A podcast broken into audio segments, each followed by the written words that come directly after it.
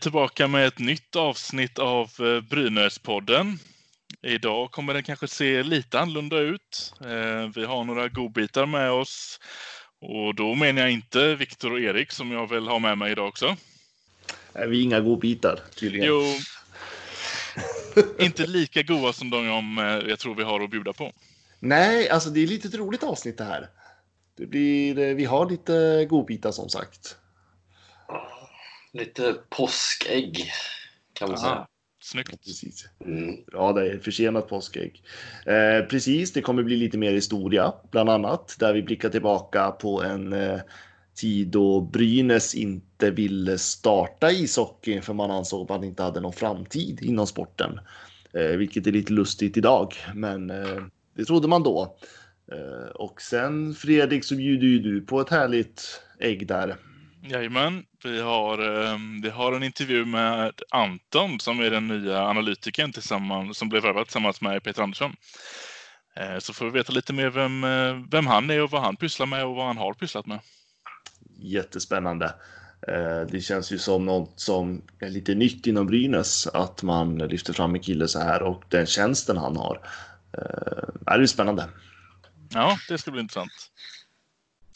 Så det blir väl inte så mycket snack av oss i det här avsnittet. Vi, eh, vi, vi eh, blandar och ger lite, men lite har vi ju på agendan här. Eh, Det har ju ryktats lite om några spelare. Ett rykte och en är väl bekräftad. Vi har väl Sallinen som är klar att han inte kommer fortsätta längre, va? Ja, det verkar som att han går till eh, Ryssland. Igen, va? Ja, han har ju varit där tidigare. Så han längtar väl tillbaka kanske. Ja, jag för mig... Ja, jag vågar inte uttala det här namnet på den klubben han har varit i tidigare. Men det är väl Dynamo Riga som gäller nu för hans del. Ja, den tidigare klubben i Ryssland hette väl Neftny Nisnemahakamsk. Oj, det var fan. snyggt gjort ju. Jag tyckte det var rätt likt eh, utifrån vad det står här. Ja, jag tänker inte ens försöka. Jag. Eh, Jag är ledsen, någon som har bättre koll på KL och kan uttala det får eh, gärna höra av sig. Eh, Uppenbarligen är det inte vi. Jag kan ta Ja. den andra där. Han har ju också spelat i Kunlund Red Star. Just det. Den, Ja, det, det var snyggt. den plockar jag. Den plockar jag. ja, det är bra. Och eh, jag kan ju ta att han har spelat i Brynäs IF då, så är vi klara med det. Eh, nej, men eh, ja, det var väl eh, egentligen oväntat, eh, samtidigt förståeligt. Var min spontana känsla kring det. Ja, jag känner likadant där. Vi behöver ju... Alltså man gillar ju Sallinen. Man tycker, jag tycker ändå att han har presterat bra. Förra säsongen var hans poängbästa på rätt länge. Eh, men vi behöver en lite skarpare center känns det som.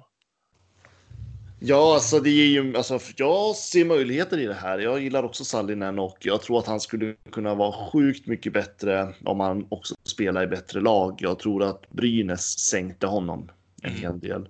Eh, Men eh, det, det här ger ju Brynäs en möjlighet att faktiskt eh, förnya ytterligare. När man ändå redan från början hade väldigt begränsat utrymme till att faktiskt förändra saker så har det här ändå blivit en förändring. Ja, vi pratade ju sist om att eh, Brynäs har i dagsläget eh, redan fyra centra, men nu försvinner ju Sallinen där då. Och, eh, då har vi ju Skott, Asklöv och eh, Öhlund då som eh, det verk- verkar bli en förlängning med. Men eh, sen har det också talats om en, eh, om en ny center som ska in från eh, Skellefteå. Mm. Ja, stör inte detta lite ut om det vi snackade om förra gången? Att man snackar om att göra om Emil till en center? Jo, och sen är det ju precis som vi pratade om förra gången frågetecken på Asklöv om han ens ska vara med i laget. Mm. Eh, Så nej, men det finns nog en hel del eh, möjligheter att förändra i just centerpositionerna just nu och jag tror att det blir positivt för Brynäs. Ja, jag vill... Ja, ja, det tror jag också. Synd bara att Sallinen, för han känns som sagt som en spelare som eh, hade kunnat göra bättre ifrån sig. För jag vet han spelade i Djurgården tidigare, han spelade även i Färjestad tidigare och jag är rätt säker på att han var väl topp två center om inte första center i alla fall i Färjestad. Ja. Det har han inte varit i närheten av att vara i Brynäs. Nej, nej, och samtidigt så har han ju inte haft eh, kanske rätt folk bredvid sig heller. Eh, om man ska vara helt ärlig. Nej. Så jag tror att eh, han har inte haft några roliga säsonger i Brynäs sportsligt sett. Eh, och har väl kanske inte kommit upp på den nivån som han själv känner att han kanske vill vara på eller kan ligga på. Och ser väl då, det så förstår jag att när ett KL-kontrakt kommer så är det ju såklart pengar som lockar väldigt mycket. Men jag tror också att han ser en möjlighet att faktiskt eh, komma tillbaka till det spel som han vet att han kan spela. Mm. Ja, eh, ja, han gjorde ju 27 poäng ändå, så det är inte Nej, det är, inget, jättedåligt. det är inte jättedåligt alls. Eh, och eh, på något sätt så måste man ju hitta någon ny spelare som kan gå in med de här 27 poängen eller fler. Eh, så att det blir ju. Det blir ju en uppgift nu för Sundlöv att eh, hitta en ersättare. Då. Ja, det för ju av oss lite på det här ryktet vi hör om då eh, Adam Pettersson. Som är väl både en center och en winger tror jag, men i första hand center. Tittar man på vad han har producerat senaste åren så är hans poängbästa säsong någonsin i högsta ligan 23 poäng. Mm. Ja, och eh, men eh, ja, det är ju ett rykte som sagt. Eh, Tar eh, Blommans. Ja, just det. Då Ja, får vi nästan räkna ja. ut Asklöv här va? Ja, Ja, alltså jag spontant skulle jag också tro att det är bättre ersättare till Blomqvist i så fall. Och ur det perspektivet så. Ja. Han hade ju ingen jättesäsong senast ska man ju säga. Ehm, och han har ju egentligen. Eh, nu kollar jag bara krasst på statistiken så att det här får man ju ta med en nypa salt. Men statistiskt sett så har han ju en nedgående kurva precis som Blomqvist hade. Mm ja. Eh, Men eh, och han är väl eh, nu kommer jag inte ihåg hur gammal Blomqvist är, men han, de är ungefär. Han är 28 år den här killen också, så på något sätt ska ju Adam Pettersson pika i sin karriär snart. Ja. Eh, och eh, ja, det är väl ingen värvning som jag eh, tjoar över, men eh, det är ju ingen, som sagt det är ett rykte. Det behöver inte vara så. Och, och absolut så kan han ju få. Han har ändå spelat i Skellefteå i hundra år eller jag på att säga. Nej, men det är Han är något ju-. Ja, han är ju, han är ju för sjutton fostrad i föreningen. Han har Skellefteå som eh, moderklubb och han har ju spelat hela livet fram tills nu. Så det är klart att en ny miljö kan ju såklart göra det bra för honom naturligtvis. Mm. Han har ju gjort nästan eh, varje, spelat varje match varje säsong. Det är sällan han har varit skadad eller avstängd om man ska ha någon eh, positiv eh, synvinkel på den spelaren. Ja, det är ju sant. Han har missat en match de senaste fem åren. Ja. Han kommer till jobbet varje dag så att säga. Ja. Klassiskt Bengan-citat. Eh, nej, men så att eh, nej, det behöver inte vara dåligt, men det är ju ingen toppvärmning, absolut inte. Tänk intressant att se honom om han, får, om han blir värvad här nu och så får han lira försäsongen och för sommarträningen och allting. Blir han skadad i höst? Det, då är det ju någonting med Brynäs alltså. Ja, det, bro- Okej, det, det beror ju också på hur han blir skadad tänker jag. Ja, blir det under match så är det inte så mycket att snacka om. Nej, är det någon liksom förslitning en, eller någonting, då ja, blir då, man då, då blir fundersam. man fundersam. Men är det att han får en eh, smäll i huvudet så ja, då kanske inte Brynäs. eh, Kanske Brynäs sätt att spela det i så fall.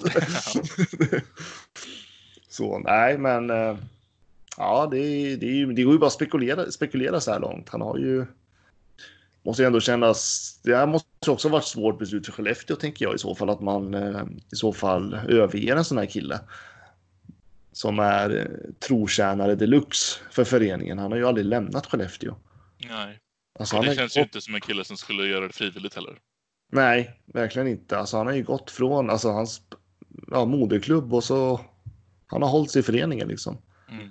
Varit utlånad någon gång till Sundsvall under kort session, men ja, Mm. ja spännande. Ja, får se vad det blir av den. Ja, kanske Blomqvist som kommer till Skellefteå då. Kanske byter. Ja, det vore något. Och så. Nej, men det skulle ju kunna vara en ersättare till en eh, sen, alltså, fjärde, tredje kedja då, i så fall. Mm. Ja, faktiskt. En boxplay center. Ja, defensiv eh, center. Alltså, lite förnyelse på Blomqvist kan man väl konstatera. Så här på förhand. Ja, absolut. Det är väl egentligen de enda ryktena vi har och de enda bekräftade grejerna. Det är Sallinen och som är bekräftade Pettersson som är ryktet. Annars så är det tyst just nu. Det händer inte så mycket. Nej. Eh, det händer inte så mycket i spelarmarknaden överlag, skulle jag vilja säga. Och jag vet inte om det är att eh, varenda klubb nu permitteras Ja. och att eh, det är typ eh, den här eh, köpstoppet, höll jag på att säga, värvningsstoppet i SHL. Jag vet inte riktigt hur det är med det där nu. Eh, jag tycker det är lite luddigt. ja, den vet jag inte om jag...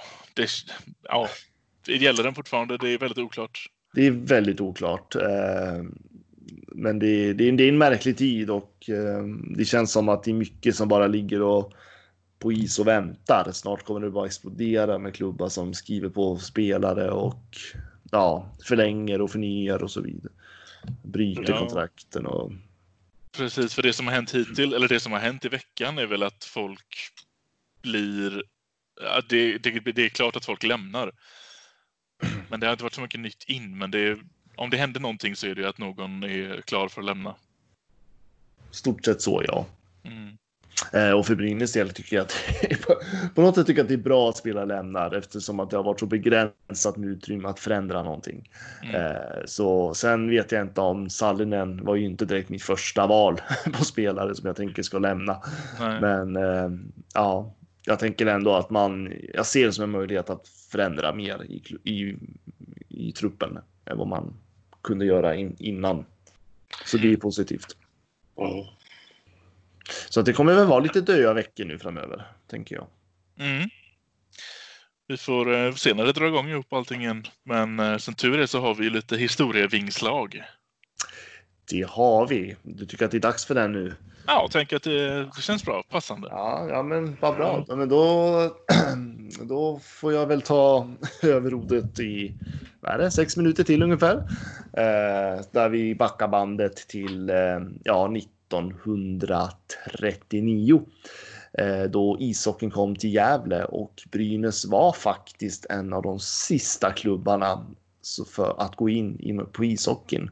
Eh, när första matchen i Gävle spelades så hade Brynäs samma dag styrelsemöte och man nämnde inte ens ishockey i, sin ag- i agendan. Eh, man var helt ointresserade helt enkelt. Eh, men det var inte Brynäs-spelarna och definitivt inte Gävleborna. Så att eh, Brynäs styrelse fick ju ge med sig. Eh, så därför så kollar vi nu Brynäs backspegeln och så varsågoda.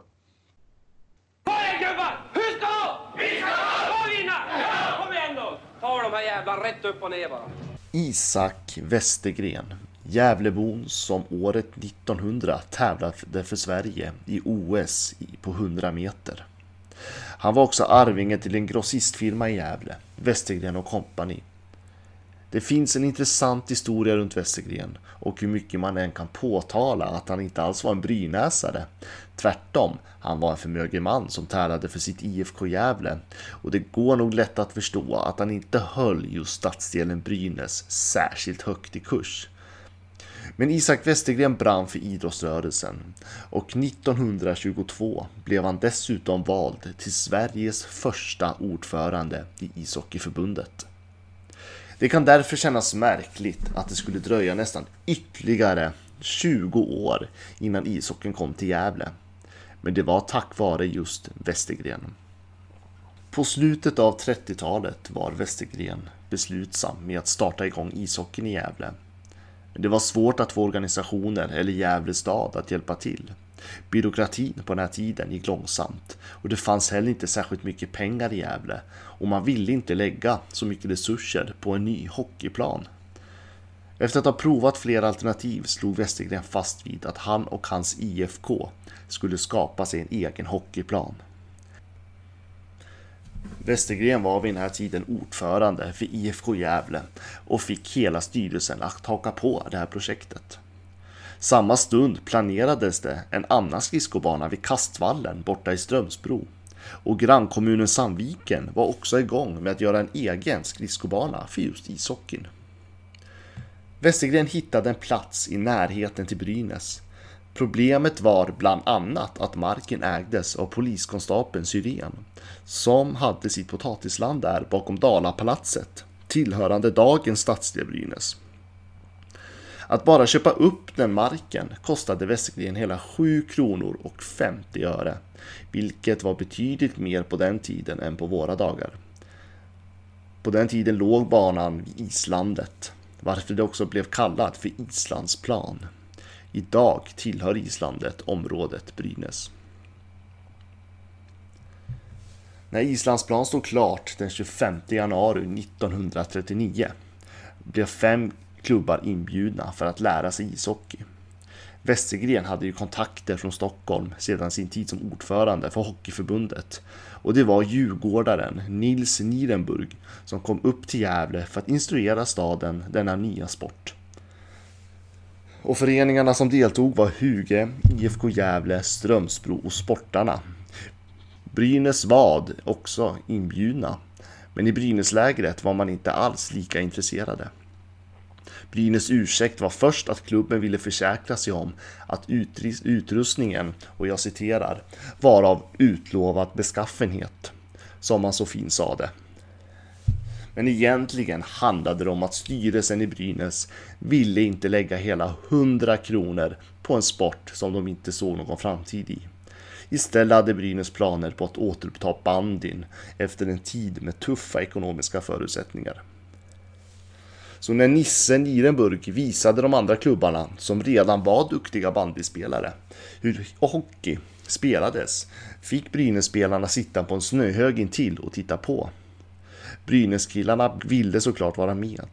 Men det var brynäsare och hade inte själva råd att delta om inte klubben betalade för utrustningen och, och banan som IFK generöst hyrde ut till samtliga Gävles klubbar. Och den 31 januari 1939 spelades Gävles första hockeymatch. Det var mellan Strömsbro och Huge, två av Gävles fyra hockeyklubbar som sedan skulle komma att spela i landets högsta liga. Samma dag hade Brynäs styrelsemöte och ishockey nämndes inte ens på agendan. Det som styrelsen i Brynäs inte förstod då var att ishockeyn hade kommit till Gävle för att stanna. Men i oktober 1939 gjorde storföreningen Gävle IF klart för sig att de också skulle bilda ett hockeylag. Trycket från hela staden och inte minst Brynässpelarna själva gjorde det nästan omöjligt för Brynäs styrelse att stå emot. Ordförande Martin Henriksson blev nu tvungen att ge vika och hösten 1939 kan man läsa ur Gefle Dagblad och jag citerar från tidningen. Sedan kassarapporten samt bandy och handbollssessionerna upplästs, upplästs och godkänns diskuterades ishockeyfrågan och det beslöts att föreningen skulle upptaga ishockey på programmet samt slopa seniorbandyn men icke juniorbandyn. Och det var nu som bandystaden Gävle skulle långsamt att förvandlas till hockeystaden Gävle. Det ingen visste då var att föreningen som gjorde mest motstånd till den här nya sporten och ansåg att man inte alls hade någon framtid i ishockeyn. Att det var just den föreningen som skulle bli Gävles största flaggskepp och vara ett av Sveriges mest framgångsrika föreningar i historien. Ja, det trodde ingen. Inte ens Brynäs själva.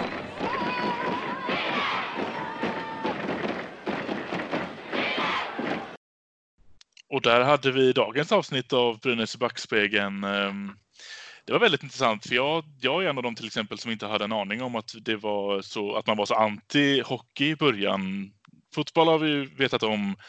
Bandy vet jag ju finns i regionen, men att man var emot hockey på det sättet hade jag ingen aning om. Nej, men det, jag nämnde ju inte det i själva avsnittet, men det handlar faktiskt om att Brynäs hade, var ganska framgångsrika i bandyn eh, innan. Eh, och man hade ett tätt samarbete med Gävle IF eh, för att upprätthålla en bandyplan. Eh, där till och med Gävle stad hjälpte till för att det gick så bra för klubbarna. Eh, sen så var Brynäs faktiskt tvungna att lägga ner bandysessionen för att man hade inga pengar helt enkelt. Och man var väldigt bandyinriktade i hela Gävle. Vi ska ju veta att Sveriges första bandyfinal spelades i Gävle också. Det här är, det är ett gammalt bandynäste. Så Brynäs hade allt fokus på det och ishockey var helt nytt så att de kände att de hade. Varför ska de börja på en ny sport som de inte hade någon framtid inom när de ändå hade så framgångar i bandyn? Mm. Ja, jag tänkte liksom det var peng, mycket pengar stod på spel på den tiden. Eh, det här med 100 kronor och 7 kronor låter inte mycket idag men eh, Eh, då var det väldigt mycket pengar och det gäller ju också att skapa de rätta mm. förutsättningarna för att kunna spela den nya sporten. Precis, och om jag inte missminner mig nu för att bygga Islandsplan som var Brynäs hemmaplan där innan Nynäsplanen byggdes. Bara den kostade 300 kronor tror jag att bygga. Mm. mm. Så att först var man tvungen att köpa marken för 7,50. ja, det, det, det, låter så små summor för oss idag, men på den tiden var det ju inte det. Och sen 300 kronor för att bygga planen. Och sen fick klubbarna hyra in sig med utrustning och allting, 100 kronor vardera då. Så att IFK Gävle skulle gå lite vinst på det här. Eh, och Brynäs ville inte lägga de pengarna. Men du var lite inne på det där i klippet hörde jag, men kan man, kan man krasst säga så att Brynäs första ishockeyuppställning var ett gäng bandyspelare då? Det var bara bandyspelare. Ja. Eh, och eh, de, eh, när Brynäs väl började spela eh, så nu kommer jag inte ihåg vilket lag de mötte i huvudet här nu, men de förlorade den matchen och Gävle Dagblad skrev då att det är för mycket bandy fortfarande i Brynäs. Eh, och det är ju så, alltså, de första hockeyspelarna i Sverige var ju bandyspelare som ville prova på annat. Eh, men sen är det faktiskt så att Brynäs var väldigt framgångsrika väldigt tidigt. De vann det första distriktmästerskapet bland annat som spelades i Gästrikland. Eh, och det kan vara någonting vi kan gå in på en annan gång tänker jag. Eh, men så var det. Så det var ju bandyspelare som, som ville prova på något nytt. Det var ju så ishockeyn växte i Sverige och så även i Gävle. Mm. Ja, utan uh, Isak Westergren där så hade väl uh, Brynäs inte varit så framgångsrika i ishockeyn. Nej, alltså utan, nej, utan honom hade ju Gävle börjat med hockey mycket senare tänker jag. Och framförallt Brynäs hade ju, de hade säkert, jag tror att eh, andra klubbar hade, Strömsbro skulle nog ha startat upp ett hockeylag för man, man planerade det redan. Eh, I Sandviken så hade man också de planerna, men Brynäs hade ju inga sådana planer, så de hade nog börjat mycket senare. Och då tror jag inte att vi skulle ha sett samma historia som vi ser idag. Jag tänkte precis på det, en hemsk tanke nu med att då hade vi inte haft eh, 60 och 70-talet med den, med den eh, vågen som var där och våra föräldrars generationer hade ju inte varit spridit ut Brynäs på samma sätt. Hade jag suttit här i Göteborg och varit Leksing då? Det hade jag antagligen. Jag suttit här och pratat Leksandspodden, vet du. Nu svor du i kyrkan. Ja, det, var, det är en hemsk tanke. Ja, det är en hemsk tanke. Eh, nej, men Isak Westergren, han betyder ju mycket för svensk ishockey. Han eh, jobbade ju mycket för att sprida sporten också. Jag menar, någonstans så brann han ju för den. Han var ju ändå ordförande, väldigt kort period, men han var ju ändå den första ordförande. Och han eh, hade ju pengar så att, och kontakter så att det var nog rätt person att sprida sporten också. Framförallt i Gävle. Så att eh, ja, det var tur att den envisa Brynäs-styrelsen hade fel. Ja, det var tur det. Så, mm. Och det var det. Ja. Ska man, eh, ska man gå in på min godbit istället då? Den tycker jag är jätteintressant, så absolut. Det är, det är väl ungefär 20 minuter. Eh, behöver egentligen inte ha något, uh, gå igenom vad vi ska snacka om för att det är, det är väldigt uh, straight on när vi väl kommer fram till det. Men um, här har vi 20 minuter med Anton och lära känna honom lite. Jag upplevde, upplevde ju ett självmål med en jävla skitregel. Vet du fan vem som har kommit på de där jävla reglerna. Så ja, då har jag förflyttat mig och åkt på ett solouppdrag här utan Erik och Viktor. Istället så har jag bjudit med mig eh, Brynäs nya analytiker Anton Hansson. Hur är läget med dig Anton? Det är jätte, jättebra. Hur är det själv? Jo då, det solen skiner. Vi har eh, i coronatider har vi jättebra väder tydligen och när corona inte är här så är det tråkigt väder. Ja, men det är lite samma här. Man får, som tur, var, som tur är kan man ju vara ute. Det är, det är positivt i alla fall. Ja, precis. Man får hålla sig från att krama alla man ser bara. Ja, man får försöka. Eh, Det var ju inte jättelänge sedan som det blev officiellt att, eh, att du tillsammans med Peter Andersson ansluter till Brynäs. Jag tänker att jag får börja med att passa på att säga välkommen till Brynäs-familjen. Stort tack, stort tack. Eh, Just din roll inom organisationen är väl, är väl lite ny. Vi har haft liknande tjänster på, i Brynäs tidigare, vi säger jag. Men Brynäs har ju haft det. Mm. Eh, Därför tänker jag att det kan vara bra att ha en, eh, en liten introduktion med du, du kan få berätta lite vad, vad det är du faktiskt kommer göra. Ja. Eh, Så jag tänker, vi hoppar rätt in i det. Mm. Innan vi går till vad som händer idag och hur framtiden kommer att se ut så tänker jag att vi kan blicka tillbaka lite. Vad, eh, vad har du gjort tidigare? Jag vet att du har spelat lite själv. Ja, jag eh, målvakt i grund och botten. Spelade själv i Kungsbacka, där moderklubben är Kings och sen även i Hanhals. Um, spelade jag fram till jag var 19. Så alla, hela juniortiden, hela vägen upp där. Uh, när, sen när jag var 19 så slutade jag spela. Uh, ihop med lite olyckligheter, sj- sj- sjukdomar och skador och så vidare. Uh, men hoppade in direkt som, som målvaktstränare i Hanhals Kings, när de gick ihop där. Um, så jag blev målvaktstränare direkt uh, uppe i A-laget. All right, så du stannar kvar i, i Hanhals i alla fall? Ja, stämmer. Hur- Stanna, stanna, kvar i ishallen. Ja, precis. Hur, eh, hur länge gjorde du det då? I fem år var jag i Hanhals. Ehm, ja, sista året var jag även i, i Halmstad. Eh, så ko- kombinerade både Hanhals och Halmstad. Då låg ju Hanhals i då, ja, division 2 eh, och Halmstad låg i division 1. All right, det är en bit att pendla.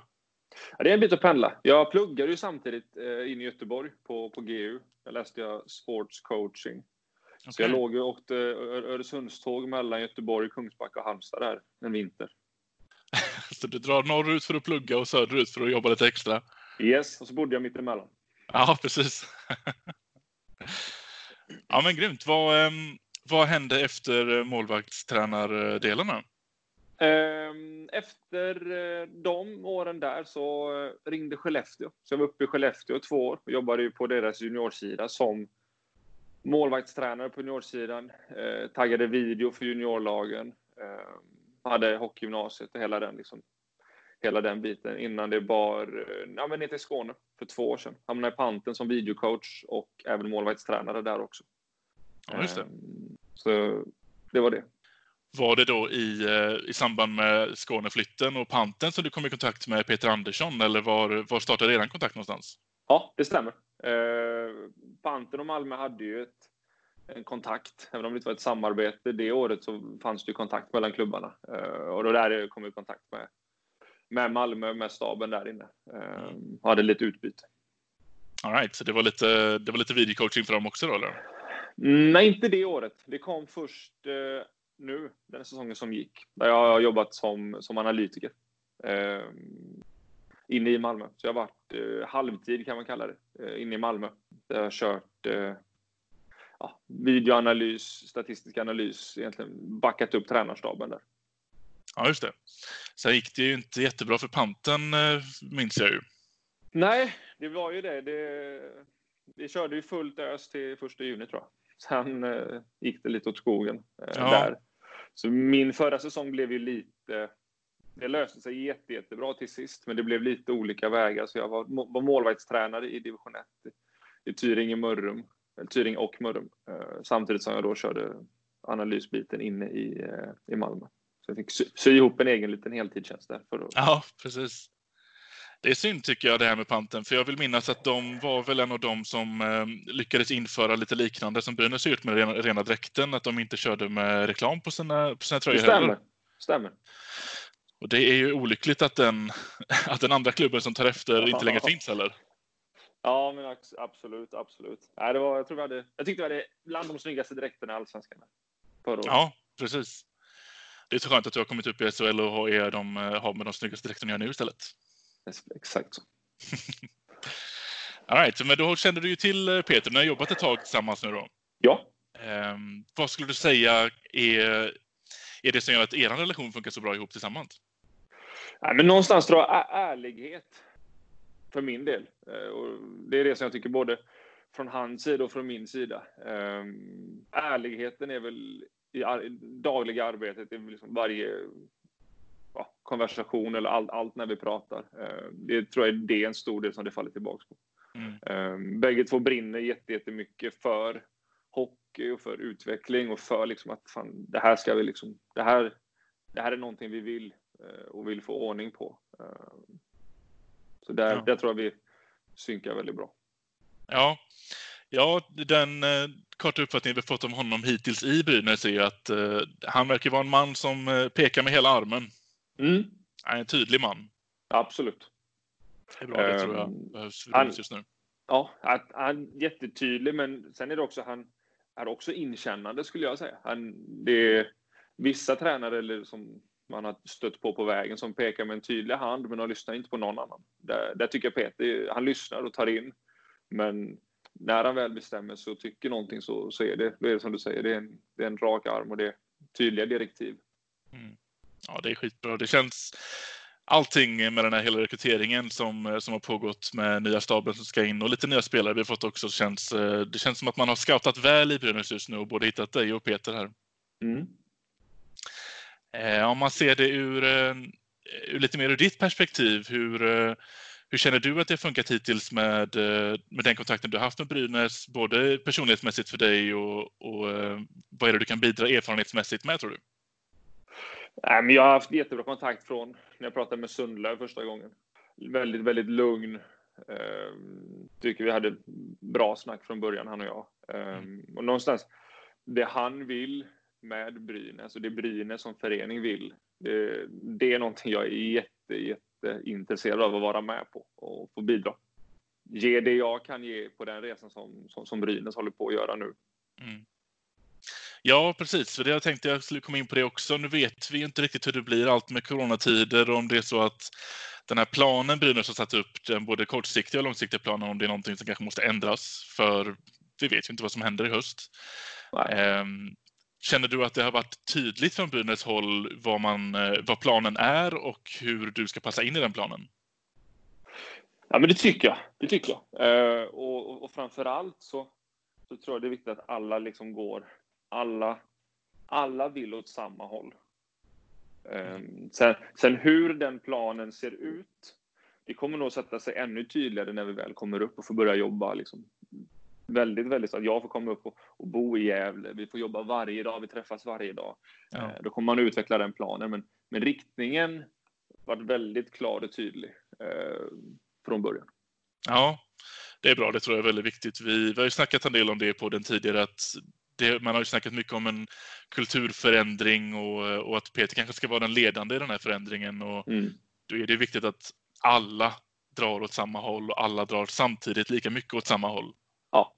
Ja, det är Och bra. jag håller, jag håller helt med, håller helt med. Och, eh, och någonstans det jag kan bidra med, om man går tillbaka till, till frågan där, det, det jag känner att jag kan komma in och bidra med, är att, att stötta upp.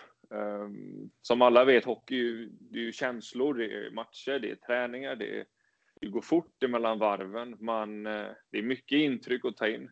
Ehm, både för tränare, för sportchef, för liksom alla, för spelarna. eh, Mm. fr- framför allt också. Eh, Och att kunna komma där och, och stötta och komma med en mer faktabaserad approach till det och inte så mycket magkänsla eh, tror jag kommer hjälpa. Och det vet jag att Peter uppskattar. Jag uppskattar det arbetet också. Eh, Ja. som, och att Peter någonstans bjuder in till det arbetet eh, som jag gör och kommer med lite mer ja, men faktabaserad bakgrund, faktabaserad approach in Ehm, för att kunna fatta bättre beslut. Det är många beslut som ska fattas. Det är, det är tuffa beslut, det ska gå fort. Ehm, och att då ha mer än bara magkänsla att gå på, det är där jag kommer bidra mest. Ja, precis. Det, det, precis. För det är som du säger, det är mycket känslor och då måste man ändå med... Känslorna ska ju på något sätt kunna styras av den här faktan som du ska bidra med. Exakt. Eh, Det för oss över lite snyggt på... eh, Jag tror det finns många där ute, inklusive mig själv, som inte är helt med på vad det är du faktiskt gör på en arbetsdag. Vad gör en analytiker? Jag, jag ser framför mig ett mörkt rum med 15 skärmar och sitter med massa Excel-dokument och bara kör siffror liksom. Ja, det, är, det, är nästan, det är nästan så, höll jag på att säga. Men eh, vad ska man säga? En arbetsdag, den, den är ju delaktig i staben. Det är ju, delaktigheten är ju densamma från mig som för en assisterande tränare eller målvaktstränare eller huvudtränare. Ehm, där man sitter och, och diskuterar och bollar mycket. Ehm, det jag har gjort egentligen efter en match, inför en match, det är att titta på vilka, vilka nycklar av de vi har valt att titta på. eh, Hur har vi säger, levt upp till det? Och så, samtidigt som det är ett levande arbete hela tiden att se att okej, är, det, är det rätt saker vi tittar på? Eh, Ja, någonstans utvärdera dem. Så att när, när vi möts på morgonen efter en, efter en match, eh, vi möts en, en onsdag morgon efter en tisdagsmatch, eh, så, så har jag min bild, min faktabaserade bild klar eh, med hur matchen igår såg ut. I snabba ryck för din del då? Ja, det är det. Det är, är inte, mycket, det är inte jättemånga timmar sömn de nätterna direkt Nej. efter match. Eh, det är det inte. Intressant. Vad eh, skulle du kunna ge som ett exempel på vilka typer av informationer som det du samlar in och som du har med dig här på onsdag morgon? Eh, ja, men det är allt från hur, hur man bygger upp, bygger spel. Eh, utan att säga för mycket så. Mm, Alla lag, eller de flesta lag, vill ju vara spelförande idag. Eh, och någonstans att man är spelförande, att man skapar målchanser, det vill ju alla lag göra. Eh, för min del handlar det mer om att berätta hur vi gör det. Ja, precis. Eh, Och det är det som är det viktiga i arbetet också. Att man, att man skapar, det kan man se rätt så fort. Det, det, är, inte, det, det, det, är inte det, det är inte den svåra grejen i det att säga, men att vi, att vi skapar. Eh, det finns det både tekniska hjälpmedel som exempelvis Sportlogic eller att man sitter och, och taggar matchen själv. Ehm, en stor del är att se hur vi gör när vi skapar. Det skiljer ju oss från Färjestad eller Luleå eller vilket annat lag som helst. Alla skapar ju inte på samma sätt heller. Så Så där är en stor grej att koppla siffrorna till vad som faktiskt sker på, på isen. Ja, precis. Det är lätt att bara eh, sätta en tabell och utgå från den, men det behöver ju hamna i ett sammanhang. Exakt. Så då är det både, eh, både lagstatistik som du applicerar och går du även ner på, på spelarnivå och tänker eh, ja, men centern i tredje femman eh, lyckades eh, så här många teckningar och hur ska vi få eh, Ja, absolut. Det är individbaserat. Och- Och den individbaserade ska ju leda till att laget vinner matcher. Ehm, Det är ju allt, allt vi gör och allt varje enskild spelare gör på isen ska ju bidra till att laget vinner mer matcher. Eller Mm. skapar förutsättningar och chans att vinna mer matcher. Ehm, Så det är väldigt starkt sammankopplat. Eh, Jag tänker den informationen som du, som du till exempel tar fram och vi använder den här onsdag morgon nu som ett bra exempel. Mm. Eh, Är det till exempel du och Peter och assisterande som sätter er och, och sammanställer och så använder de det sen vidare eller är det fler i organisationen som är förväntade att ta del av det som du, det du, din produkt du tar fram? Den har vi inte riktigt satt ännu. Eh, Den kommer nog komma ännu mer längre fram. Framförallt så är det tränarna den dagen. Eh, Liksom. Framförallt kanske back, den som är ansvarig för backarna tar huvudsakligen del av, eh, av backarnas statistik och likadant för forwards. Huvudtränaren tar en, en, en, övers, en översiktsbild över allting eh, och går även ner kanske på, på individnivå och detaljnivå också. Mm. Ehm, Men framförallt är det, sen får vi se lite grann hur, hur vi sätter våran, vårt arbetsförfarande närmare när jag kommer upp sen. Ja, precis. Som du säger, det, det är ju annorlunda i alla lag så att då blir det ju vilken nisch ska vi ta i Brynäs nu? Exakt. Och sen kan det vara sånt som, man, som jag har gjort, som jag har gjort på ett visst sätt innan. Så, som jag sa, det här är ju ett levande, det här är inget som är, det är inget facit som är hugget i sten, utan det här är någonting som, som jag tycker ska förändras hela tiden och man ska, jag tar in intryck och åsikter från, från liksom mina kollegor. Eh, och det är jätteviktigt att min, min kunskap och det jag kommer fram med ska ju nå fram till dem. Ehm, Jag kan, göra, jag kan, producera hur mycket siffror och statistik som helst, men om inte det når fram till tränaren så spelar det ingen roll, för det är ju tränaren som sen kommer förmedla den stora delen av det till, till spelarna. Kanske inte siffran, liksom den enskilda siffran, men, men budskapet i dem kommer ju de ta med sig sen till spelarna. Ja, Och då är det viktigt att de förstår och har en full förståelse och full kunskap om vad det är vi pratar om. Ja, precis. Din del blir ju rätt viktig där. Det är ju som när man eh, lär sig på förskolan, viskleken. Det börjar ju med ett budskap och så ska den vidare till en person som ska vidare till en person. Så Ja. ditt grundbudskap behö- behöver ju vara tydligt från början. Absolut, absolut. Och där är ju alla människor olika också. Vissa gillar, vissa tar till sig bättre en, en tabell med siffror och kan läsa ut det rätt fort. Vissa är mer visuella av sig eh, och behöver kanske lite mera, lite olika bilder så att säga. Eh, Så där får man se lite grann hur vi, och det är samma med spelare sen också. Eh, Vi får se hur, hur man presenterar den för att man ska ta till sig så mycket som möjligt. Det är lite pedagogik i det också. Ja, precis. Spännande. Mm. Eh, Jag är lite nyfiken också på hur det gick eh, själva starten innan, eh, innan, det blev ett, eh, innan det blev klart att du ska komma till Brynäs. Till exempel var det Peter som var drivande i att du ska hänga med eller har det varit Brynäs som kontaktat dig separat? Ja, jag fick frågan. Eh, Jag fick frågan från Peter. eh, När han liksom började, började närma sig där. Eh, Och sen har jag haft rätt direkt, rätt snabbt kontakt med Sundlöv. Ja.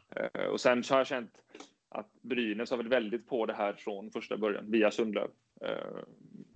Han har varit väldigt intresserad och när vi har haft våra samtal nu efter säsongen också så han varit väldigt, väldigt intresserad och frågar mycket och eh, di- diskuterat mycket av det här också. Eh, Så första kontakten var det Peter som tog och sen var det Sen har Brynäs varit väldigt, väldigt drivande i att de får det klart och Ja, få, få satt rollen och utvecklat det.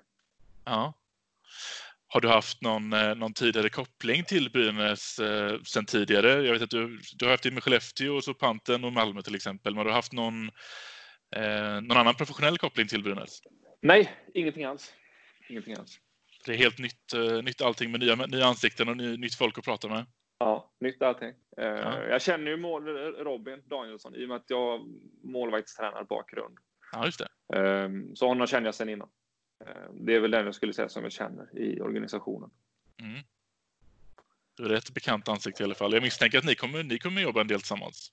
Ja, men det kommer vi absolut. Det är målvaktstränare, men ofta, ofta så är man rätt så ensam som målvaktstränare, så det är alltid skönt att ha någon att bolla med. Eh, Tankar och idéer och funderingar. Det Mm. Så är det.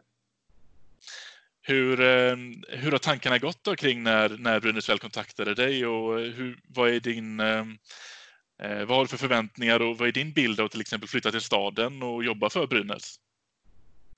Oj, det där är en jättebra fråga. Vi, om man tar Brynäs som förening, är det en jätte, jätteanrik förening. Ehm, Den första, jag är ju född, i 90 jag är född 92. Den första SM-finalen som jag kommer ihåg på riktigt, det var ju Brynäs-Modo 99. Ja, bra, bra, bra SM-final, bra första minne. Bra första minne. Det är den som jag kommer ihåg att jag verkligen första minnet att det här är en SM-final som jag, ja, men tittade på tv och följde och sådär. Ja, Ehm, och sen har ju Brynäs varit en, ja, men som jag säger, en, det, det är en anrik förening. Det finns en stolt, liksom, det finns en stolt tradition.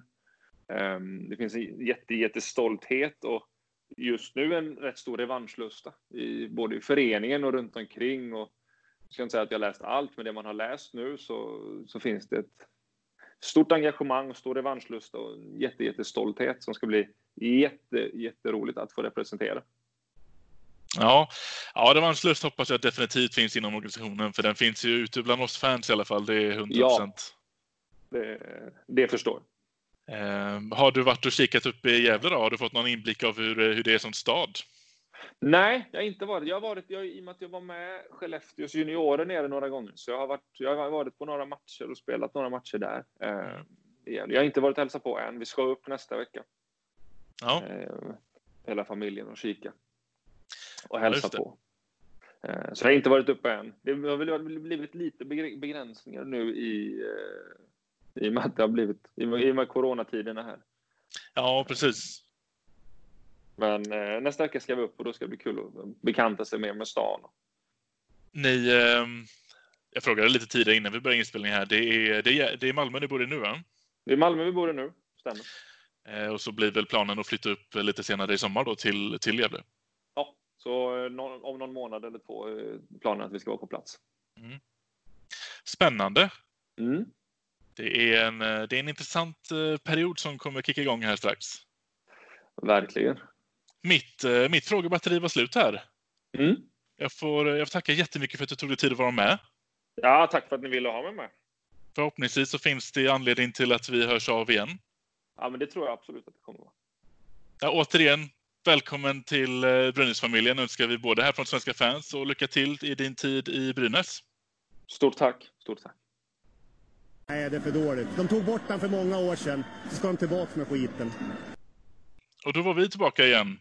Eh, då har vi, då har vi fått lära känna Anton lite. Vad det är han eh, kommer göra på dagarna när han, när han bosätter sig i Gävle. Eh, och vad det är han kommer kunna bidra med till, till att vi ska plocka hem bucklan nästa år.